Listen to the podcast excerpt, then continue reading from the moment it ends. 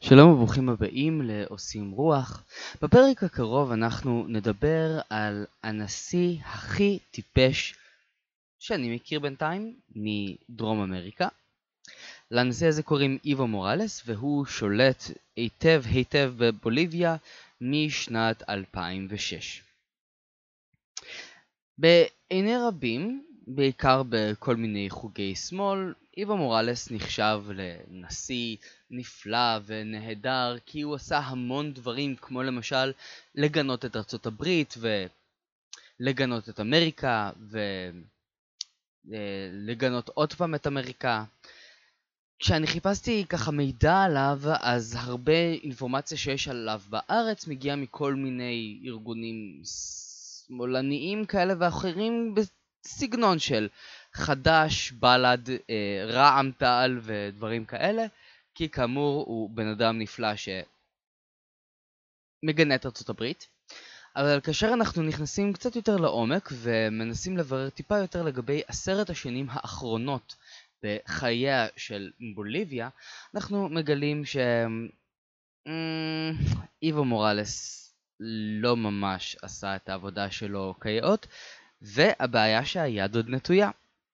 אז אני אתחיל ככה טיפה אחורה. אני אספר שאני ביקרתי בבוליביה לפני חצי שנה במסגרת טיול בדרום אמריקה שהיה החוויה שאני ממליץ לכל בן אדם ובן אדם ובאמת בוליביה מבחינתי אולי הייתה פנינה, פסגה, המקום הכי כיף שהייתי בו בדרום אמריקה כי באמת מדובר במקום שהוא שונה יחסית למדינות כמו ברזיל, ארגנטינה, צ'ילה, ששם האוכלוסייה ברובה צאצאי מהגרים אירופאים, לבנים, אפשר לומר, דוברי ספרדית שפת אם, בעלי תרבות ככה מאוד אירופאית, משהו בסגנון של 50 גוונים של ברצלונה, במקרה הטוב, עם הרבה מאוד נופים ו... חוץ מזה שום דבר. בוליביה היא באמת שונה, כי שם באמת חיים האינדיאנים, כל אלו שהספרדים לא הצליחו להרוג ולטבוח בהמוניהם, כי הם פשוט גרים על רכס הרי האנדים במקום מאוד מרכזי בפנים היבשת, מקום שהיה מאוד קשה לספרדים להגיע אליו. וכך קורה שמדינה אחת מצליחה לשמור על הצביון של האנשים הפשוטים, אנשי הבראשית, הסבתות החמודות עם העיניים המלוכסנות והשתי צמות שגם על זה אנחנו נדבר בהמשך. ובוליביה כאמור היא מדינה מאוד מאוד שונה. הנוף שלה, הטבע שלה, הם הדברים הכי מדהימים שאני כנראה נפגשתי בהם בחיים שלי. הדבר הכי חשוב שאפשר לומר על בוליביה זה כמובן מדבר סלאר דה אויוני, שזה איזה אגם שיבש והמלח נשאר שם מהאופק עד לאופק ומצטלמים שם כל מיני תמונות מגניבות של פרספקטיבות שמישהו עומד uh, מקרוב ומחזיק לכאורה בן אדם קטן שפשוט עומד רחוק מאחוריו. uh, או שאנשים ככה יוצאים מתוך בקבוק פלסטיק או uh, עושים כל מיני סוגים של בובות על חוט, הכל כזה צילומים של של פרספקטיבה. זה דבר נהדר שמאוד מומלץ לכל מי שמגיע לבוליביה. הדבר השני שבוליביה מתאפיינת בו זה הנופים הנהדרים והאמזונס כמובן, גם כן מקום שאני טיילתי בו די הרבה, אה, אזור שקוראים לו רורה נבקה. אה, משהו די מגניב שאפשר לספר על המקום הזה זה שבכביש, אם נוסעים מלפז, העיר החצי בירה של בוליביה לרורה נבקה, שזה אזור האמזונס והעיר הגדולה שם באזור, אוטובוס זה לוקח משהו כמו 30 שעות. מטוס 20 דקות. למה? כי בדרך יש את דרך המוות. המקום שסלול בצורה כל כך נפלאה ונהדרת, שכל אוטובוס שני שם בערך מידרדר לתהום ו... ומתרסק, וזה כמובן לא מעניין אף אחד.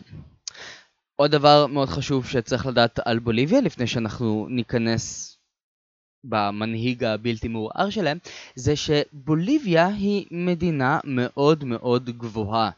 כשאני הגעתי לסלאר דה אויוני, ממש בתחילת הטיול, הגובה היה משהו כמו חמש וחצי אלף מטרים מעל גובה פני הים. אני לא לקחתי את זה בחשבון, כאשר אני במקרה באחת העצירות שלנו עם הג'יפ שחצה את המדבר, עצרתי רגע להטיל את מימיי מאחורי איזה שיח, וכאשר הנהג קרא לי, היי, מור, uh, we are going, קדימה, טוב, לא בדיוק דיבר אנגלית, אני רצתי מרחק של חצי דקה, והסחרחורת שאני חוויתי וכאב הראש שעבר עליי שם זה היה פשוט חולני.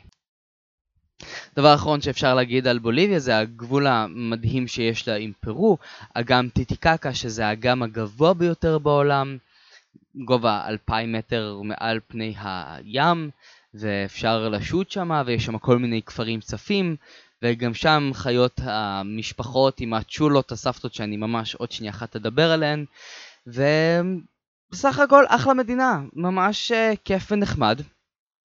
עיר הבירה שלהם היא סוקר שהיא מחולקת עם לפז, שזו עיר קצת יותר תיירותית ונחמדה ומגניבה. יש שם תיירות פורחת, ובכל פינה שנייה יש שם שווקי מכשפות, משמע הדת הרווחת בבוליביה זה כמובן הדת הנוצרית, אבל מכיוון שיש שם המון אינדיאנים, הם משלבים כל אמונה פגאנית בחיי היום יום שלהם.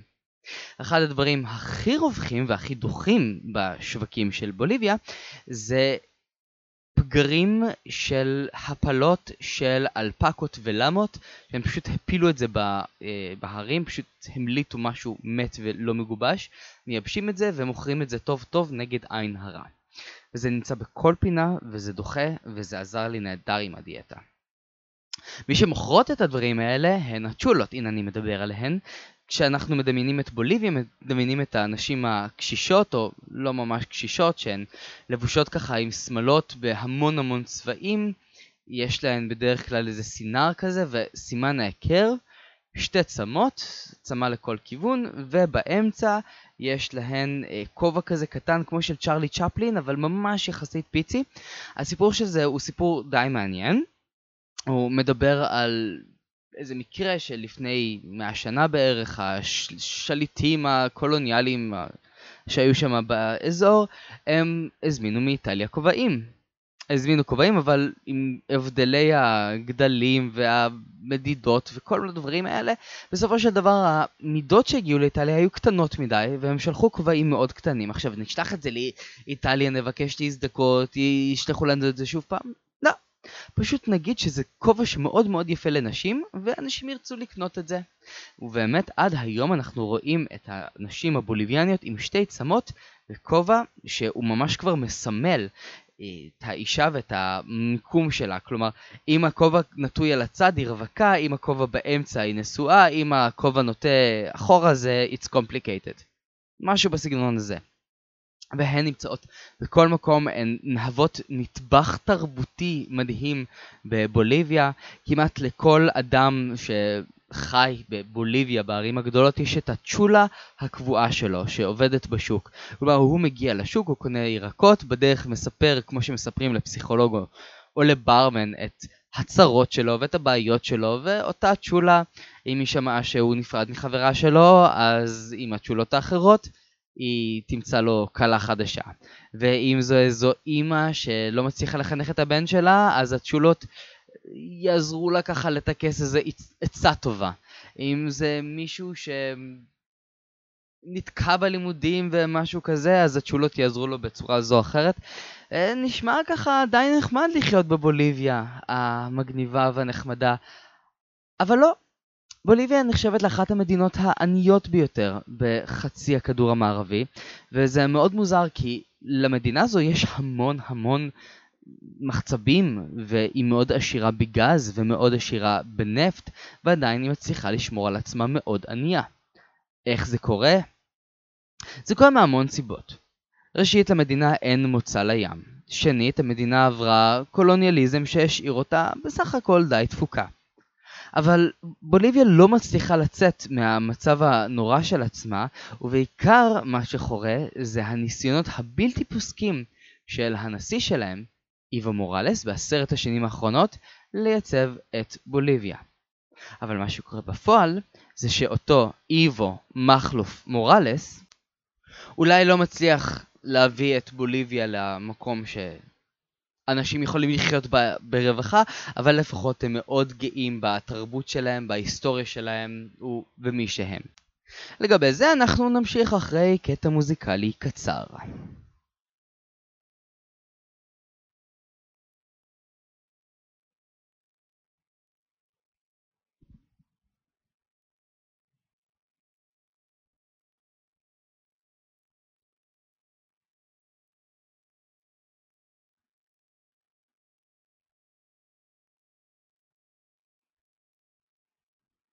איבו מורלוס נולד בשנת 1959 באחת הפרובינציות העניות של בוליביה. הוא הנשיא הראשון בדרום אמריקה שהמוצא שלו הוא אינדיאני. כבר בגיל צעיר הוא התפרנס מכל מיני עבודות מזדמנות, לא סיים את אה, חוק הלימודים שלו, וכעבור זמן מה הוא הפך להיות לראשי מגדלי צמחי הקוקה של בוליביה, איזה איגוד של כל המגדלים של הצמח הזה שהם לועשים אותו בכל פינה בערך כמו שתימנים לועשים גת. עלי הקוקה הם מצוינים למחלת הגבהים שכל מי שמגיע לבוליביה סובל ממנה. ואפשר לשים את זה בתה ואפשר ללעוס את זה וגם אפשר להפוך את זה לקוקאין בצורות שונות ומשונות. ארצות הברית מאוד מנסה לדחוף את בוליביה בדלת האחורית להפסיק עם הקוקאין שלהם. ואיבו מוראלס, שהיה מראשי מגדלי הקוקה של כל בוליביה, למרות שהוא לא ממש אהב את ארצות הברית, הוא עשה מאמצים כבירים מאוד כדי למנוע הברחות של סמים וקוקאין מגבולות בוליביה, ובכל מיני צורות של פוליטיקה פנימית ומתן של כל מיני דיבידנדים מיסים וכדומה, הוא פשוט הצליח להפוך את זה שאנשים שמגדלים קוקה זה רק למטרה אחת, ללעוס את זה ולקבל שיניים ירוקות ומגעילות. איבו מוראלס ניסה כבר להיבחר בעבר לנשיאות בוליביה בשנת 2002, אבל אז הוא נכשל.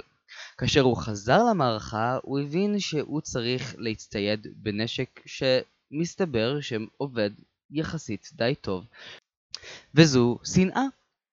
כן, הוא החליט שכל מערכת הבחירות של 2006 לא תהיה מבוססת על שיפור המעמד הסוציו-אקונומי של האנשים, לא על שיפור מערך הבריאות, מערך החינוך או דברים שיכולים לעזור לאנשים, אלא שנאה גדולה ותהומית נגד ארצות הברית.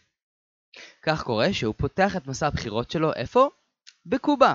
בקובה הוא פוגש את פידל קסטרו ומקבל את ברכת הדרך כדי להתחיל במסע לשיקום בוליביה והמצב העגום שלה מהיסודות. הם גם חותמים על כל מיני הסכמים של חילופי סטודנטים, וזה שאנשים מבוליביה יוכלו להגיע לקובה כדי לקבל כל מיני טיפולי עיניים, וכל מיני טיפולים של MRI, ודבר מאוד משעשע בעניין הזה, זה שקובה התחייבה על כך שהם יקבלו אנשים לטיפולים של MRI, רק שבאותו זמן קובה סבלה ממשבר מאוד חמור, אחרי שהם גילו שהם קנו עשרות מכשירי MRI לקובה, אבל הם לא הכשירו ולו טכנאי אחד שידע לתחזק את המכשירים האלה ולתקן אותם במידת הצורך. עד היום יש כמה מאות מכשירי MRI פשוט שווקי חיים בקובה, שהם קנו אותם כי אנחנו צריכים לספק בריאות טובה לאזרחים שלנו ול... ולוונצואלה ולבוליביה חברים שלנו, אבל אתם מוזמנים להגיע אלינו לקובה ולגלות במו עיניכם שהדברים האלה לא ממש עובדים. בכל מקרה, את המשך הדרך שלו, אנחנו הזכרנו כבר את השם של הפסיכופת הבא שאיבו מורלס פוגש, הוגו צ'אבס, המנהיג הבלתי מעורער של ונצואלה שהפך את המדינה לקהיר 2. וגם שם הם מתחייבים להגן איזשהו גוש חוסם נגד ארצות הברית והאימפריאליזם האמריקני בדרום אמריקה. הדבר מתקבל בתשואות רמות מאוד בבוליביה וכל המקומות שהוא נאם בהם, הוא פחות נאם לגבי העתיד והתוכניות שלו ויותר לגבי כמה שאמריקאים נוראים אכזרים ועל הדרך כמה שישראל מזעזעת ומדינת שטן עלי אדמות. מה שקרה בסופו של דבר זה שהחינוך שאיבו מורלס כן ניסה לדגול בו וכן ניסה לקדם אותו, הפך להיות חינוך שלא מתמקד בדברים שבאמת יעזרו לאנשים.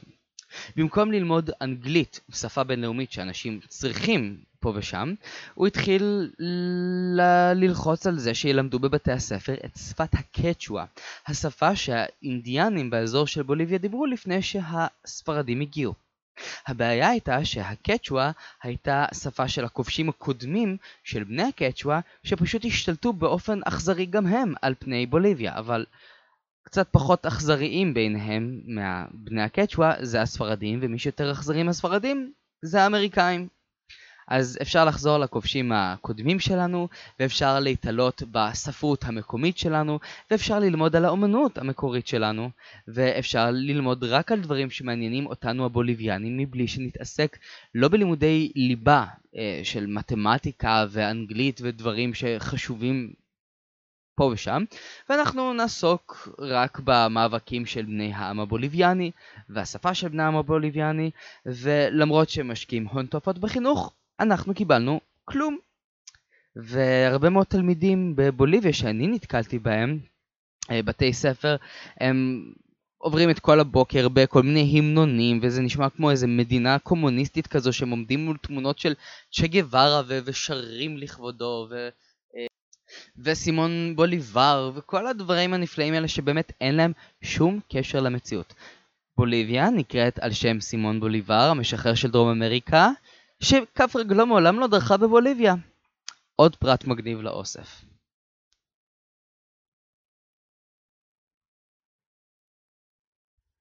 כאשר אני הגעתי לבוליביה, אני נוכחתי לגלות את העוינות המזעזעת שיש לבוליביאנים כלפי הישראלים. ראשית, אני לקחתי חלק בדבר שקוראים לו הגל החדש, כלומר אם בעבר אנשים היו מתחילים ככה בריו דה ז'נרו. עולים למעלה או מתחילים במקסיקו ויורדים למטה. היום אנשים שמגיעים לעיר ששמה הוא קוסקו, עיר שקרובה יחסית לגבול עם בוליביה, ישראלים לא יכולים לעבור את הגבול מפרו לבוליביה. רק את הגבול מארגנטינה לבוליביה, צ'ילה לבוליביה, פרגוואי לבוליביה או ברזיל לבוליביה. לכן קורה שאנשים פשוט צריכים לעשות מסע של 30 שעות כדי להיכנס לבוליביה דרך צ'ילה, דרך המדבריות של צפון צ'ילה שבאמת קשה מאוד לנווט שם והתיירות שם היא די דלילה, אבל פתאום כשיש הרבה ישראלים והרבה אמריקאים שלא יכולים להיכנס דרך פרו, אז כל המקומות האלה מקבלים משנה תוקף ומתחילים לפרוח מחדש. דבר נוסף חדש ומעניין שאני יכול אה, לדווח עליו זה שישראלים ואמריקאים צריכים לשלם מיסים לבוליביאנים. עכשיו שימו לב לפרט המעניין הבא. הם לא מקבלים כסף צ'יליאני בכניסה לבוליביה, בגבול עם צ'ילה. הם גם לא מקבלים כסף בוליביאני בכניסה לבוליביה, בגבול עם צ'ילה או כל גבול אחר. הם מקבלים אך ורק דולרים מלוכלכים.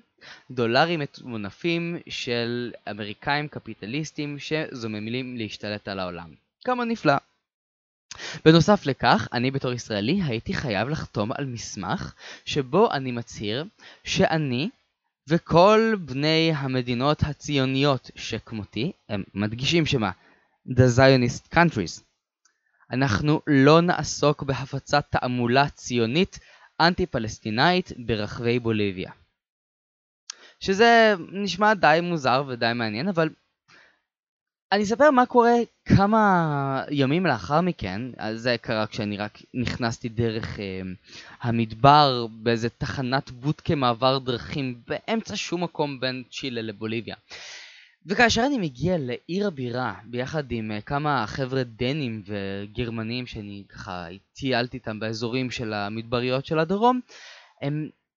היה אחד מהם שאמר וואו איזה יופי של הבוליביאנים יש כבוד לתרבות שלהם. הנה אנחנו הולכים ברחוב הראשי של הפז ויש כאן שלטים בשפה המקורית. מה זה, הקצ'ואה? ואני רק אומר להם, חברים, זה עברית. כן, כן, הרחוב הראשי של התיירים בבוליביה מלא כולו בכל פינה בעברית ואנשים שמדברים בעברית ומכריזים על מרכולתם בעברית. אה, זה מאוד מוזר ו... אה, דבר שאני נתקלתי בו בדיוק בשבוע שאני הייתי בבוליביה, היה בוקר אחד של שלישי בבוקר, כשאני ככה עברתי בין הקפה הישראלי שבעלת המקום לא הייתה, והסוכנות הישראלית שבעלת המקום גם לא הייתה והמקום היה סגור, ועוד שתי סוכנויות ישראליות שהיו סגורות, ועוד שתי מסעדות ישראליות שהיו סגורות, ולא הבנתי לאן הם נעלמו, וכשדיברתי ככה עם כמה חבר'ה ישראלים, כשחיפשנו, הסתבר ש... פשוט כל האנשים שעובדים עם ישראלים הלכו להפגין נגד הממשלה שמתכוונת להעלות עוד את המיסים שהם מתחייבים לשלם הישראלים בכניסה לבוליביה וזה שהם לא יכולים לעבור אה, דרך פרו אלא רק דרך צ'ילה הם ממש הלכו להפגין כי הם אומרים זה הפרנסה שלנו הישראלים זה מי שמפרדס אותנו ונותן אוכל לילדים שלנו וכשנכנסים שם למסעדות כמו מסעדת גלדיס שהיא נחשבת לאחת הגדולות, באמת. אה, זו איזה מאמה בוליביאנית שמתה על הישראלים ויש לה דגלי ישראל בפנים וכל מיני מכתבי תודה בעברית ותמונות עם כל מיני ישראלים אחרי צבא, שזה פשוט היה מקסים לדעתי. וגם, אם אני הייתי איזה אירופאי עם נטיות אנטישמיות קלות, ביקור בבוליביה סביר להניח היה גורם לי, ללא ספק, להגיע למסקנה שיהודים איכשהו משתלטים על העולם. כי אם זה לא מספיק, אחר כך כשמגיעים לקוסקו, העיר המקבילה בערך של לפז בפרו, שם בכלל ההשתלטות הישראלית היא כבר עוברת כל גבול וכל דמיון. אז בחזרה לאיבו מוראלס ותהליך ההריסה ההדרגתי שלו של בוליביה. הוא נבחר ב-18 לדצמבר 2006 לנשיאות, אבל הוא נשאר נטוע עמוק על הכיסא שלו שנים אחרי שהחוק הבוליביאני בכלל לא אפשר לו להיבחר לקדנציה שלישית, מה שהוא מכהן כיום. כשהוא עמד לקראת סוף הכהונה השנייה שלו, כהונה שהייתה מאופיינת בהמון שערוריות והמון שחיתויות והמון בעיות מבחינת uh, כספים שנעלמו ואנשים שהתעשרו ברמות פסיכיות ואיבו מוראלס המסכן והתמים אמר, אתם יודעים מה? אני נכשלתי במועד ב', אני אקבל מועד ג', זה מזכיר לי איזשהו מנהיג. אבל מכיוון שהחוק הבוליביאני לא מאפשר למנהיג להיבחר שלוש פעמים ברצף, הוא החליט לשנות את הכותרת של בוליביה מסתם בוליביה למדינה הרב-לאומית הרב-תרבותית של בוליביה. זאת אומרת שעכשיו זו מדינה חדשה ואני יכול לקבל עוד שתי קדנציות חינם, איזה כיף. והוא נשאר תקוע, עומד על כס המלכות שלו, וכבר אני לא יודע כמה זמן מנסה להלאים את הגז של בוליביה, דבר שבאורח פלא הוא לא מצליח לעשות. למרות הנטיות הסוציאליסטיות שלו, כן לחלק כסף וכן לתת וכן אנשים יקבלו חינוך ותרבות ודברים כאלה, זה לא מצליח. זה יוצא בצורה קצת מוזרה כי מדי כמה שנים יש איזשהו פרויקט חדש בבוליביה שגורם לכולם להאמין שהנה אנחנו נמצאים על דרך המלך. לפז, עיר שבנויה על צלע של הר, חלקים שלמים מנותקים מחשמל ומים, אבל ארבעה רכבלים, רכבלים, רכבל ברבים, פשוט חוצים מעל העיר שנראית כמו שפרעם, עם בתים בלתי מטויחים, אבל מלמעלה פשוט שתים להם רכבלים, טלפריקוז, שלוקחים את האנשים מכל קצוות העיר לקצוות אחרות. שזה מאוד מוזר, זה נראה חדש, זה נראה יפה, זה מתופעל ומתוחזק נהדר, ואף מעל שכונות עוני. דבר שני שאנחנו יכולים לראות בבוליביה זו רמת ההסתה ההיסטרית שיש להם כלפי המערב, כלפי האופוזיציה וכלפי העיתונות החופשית. באחד הימים שלי בבוליביה אני כבר כמעט הייתי בדרך להגיע לעיר שקוראים לה קוצ'ה במבה שזו עיר שאמורה להיות אה, נחמדה ומגניבה, לא רחוק מלפז, אבל התבשרתי שהמקום חסום על ידי המונים שמפגינים על זה שאין להם מה לאכול ושמסכנים והם אומללים, ונגד מי הם מפגינים? נגד השליט המושחת שלהם, איבו מוראלס? לא. נגד הממשלה שלהם שעושקת אותם? ממש לא. הם מפגינים נגד מי שאמרתי. העיתונות החופשית מפגינים נגד האופוזיציה, וגם מפגינים נגד ארגונים למיגור האיידס, שדרך אגב פושט ופושע בבוליביה, אנחנו נדבר ממש מיד uh, למה זה קורה, אבל uh, כן, גם מי שמנסה למנוע מהאיידס להתפשט בבוליביה, הוא אשם במצב של האנשים האומללים שחיים שם. וכל זה מלובה בעזרת התקשורת, שזה סוג של בוליביה היום, עוד בוליביה היום, ועוד שלושה ארבעה עיתוני בוליביה היום, וחדשות בסגנון בוליביה היום. אני לא מבין ספרדית כל כך טובה, אבל כן המעט שהספיק לי כדי להזדעזע עמקי נשמתי כשישבתי בלובי של ההוסטל שלי וצפיתי בדיון סוער נגד איזושהי שרה אחת שאמרה ש... Hmm, אולי כן שכדאי שנלמד אותם קצת יותר אנגלית בבתי הספר. בכל זאת, אנחנו חלק מהעולם המערבי וכולם התנפלו עליה כאילו היא הייתה דנה וייס שמדברת על פיגועים באסלאם. בכל מקרה, המערב לא נשאר חייב לאיווה מוראלס, שעד היום ממשיך לצקצק מול המעשים שם, מול חוסר העקיפה של גידולי הקוקה, נגד uh, זכויות האדם שמופרות uh, השכם והערב ברחבי בוליביה. והנה אני אתן למשל דוגמה קטנה, משהו שקרה לפני שלוש שנים, שמראה דבר שלא היה קורה, אני חושב, עם ראש כל מדינה אחרת בעולם. אולי ישראל כן, אבל תראו כמה שבוליביה היא ככה קצת מדינה שנואה. קרה זה אה, ביולי 2013, אחרי שאיבו מורלס טס לרוסיה כדי לפגוש את ידידו הטוב משכבר הימים, ולדימיר פוטין. בדרכו חזרה, המטוס שלו מונחת בשדה התעופה של וינה, הוא מקורקע שמה לעוד חמש שעות, וכל זה מתוך החשד שאיזה מדליף אמריקאי בשם אה, סנודן, אדוארד סנודן, שהוא עשה ל-CIA בערך מה שמרדכי ואנונו עשה לישראל ולכור האטומי כאן. הוא הדליף כל מיני מסמכים שלא היה אמור להדליף, וארצות הברית אה, ביקשה לתפוס אותו חי או מת, whatever, היו בטוחים שאיוו מוראלס במטוסו הפרטי מנסה להבריח אותו, את אדוארד סנדן, מרוסיה לבוליביה. ולכן הורידו את המטוס, סגרו לו את המרחב האווירי מעל צרפת, אה, את המטוס של איבו מוראלס, יכלו פשוט להוריד לו את המטוס ולרסק אותו על הארץ. וכאשר מסתבר שאדוארד סנדן לא היה למטוס, נתנו לאיבו מוראלס להמשיך בדרכו לבוליביה, כשהוא כולו עצבני על האמריקאים שהעזו ככה לפגוע במטוסו האישי והפרטי של הבן אדם שבכלל נגד חומרנות ונגד דברים מזעזעים כמו מטוס פרטי. אדוארד סנדן דרך אגב, למי שמעוניין לדעת, הדליף לארצות הברית והוא קיבל את העונש הכי גדול שהוא יכל לקבל. מקלט מדיני ברוסיה.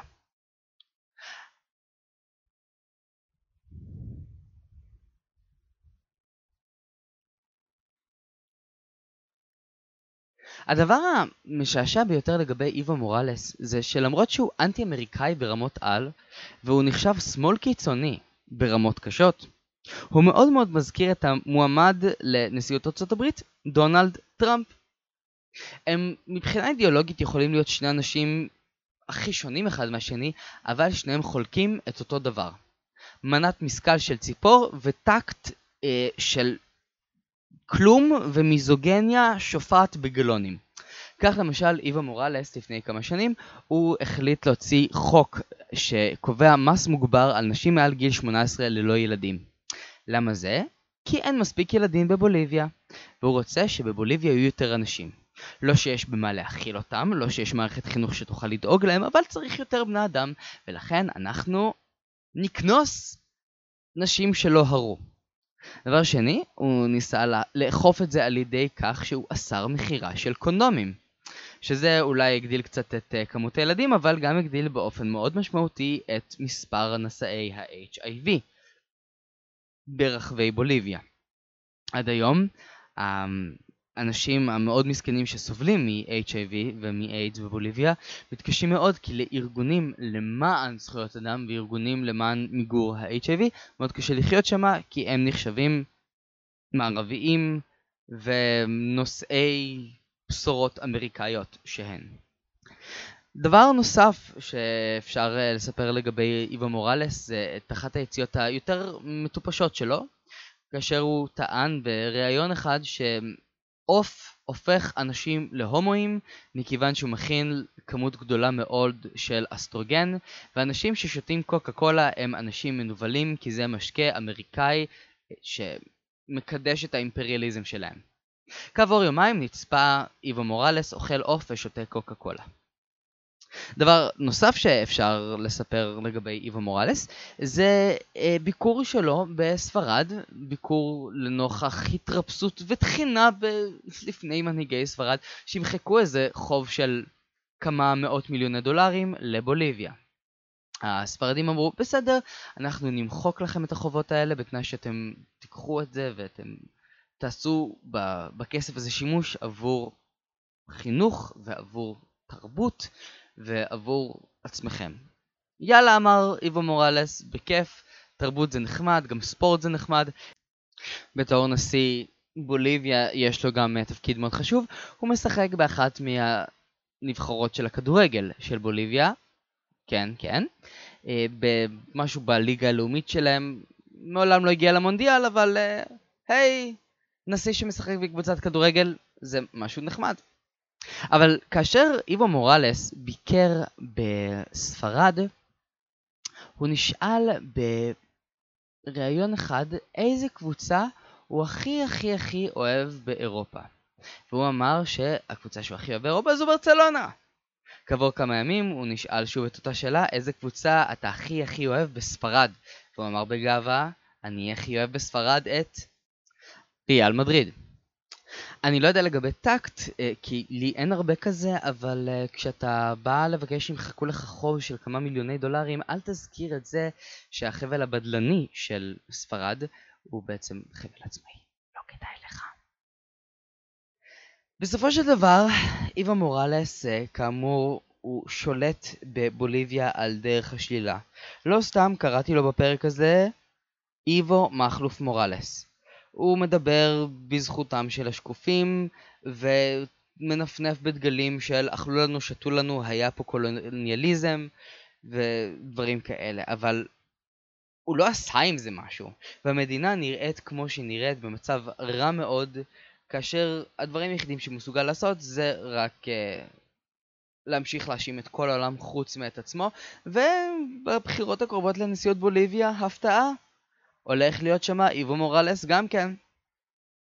הבן אדם שבמו ידיו מחרב את התעשייה של התיירות בבוליביה, וזה דבר שמאוד קשה לעשות, כי תיירות שם מאוד משגשגת ומאוד מצליחה, אבל אה, כן, הוא נודע למשל לפני כמה שנים כאשר הוא מאוד המליץ לאנשים באחד הביקורים שלו בצרפת לבקר באחת האטרקציות הגדולות ביותר שיש להם בלפז.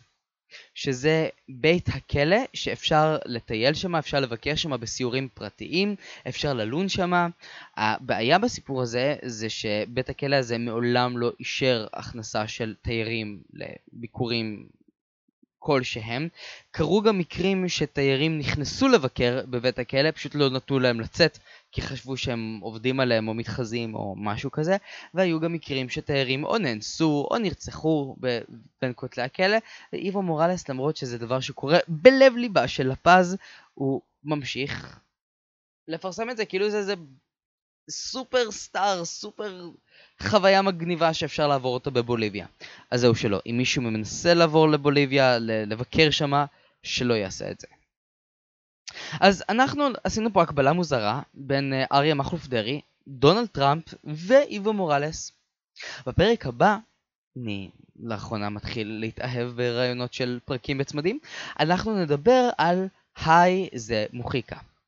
אם יש לנו את הנשיא הטיפש ביותר של דרום אמריקה, שעם כל השמאלנות שלו והניסיונות לבצע מהפכות, לא ביצע כלום, כשלעומתו נדבר על נשיא אורוגוואי, שבסוף הקריירה שלו, כאשר לא נשאר לו שום דבר להפסיד, הוא הפך את אורוגוואי על פיה והפך אותה לאחת המדינות הכי מגניבות והכי כיפיות שיש בדרום אמריקה. תישארו עמנו לפרק הבא שיעלה עוד שבוע תעשו לנו לייק בפייסבוק ותמשיכו ליהנות מפודקאסטים כי כיף ופודקאסטים זה נהדר.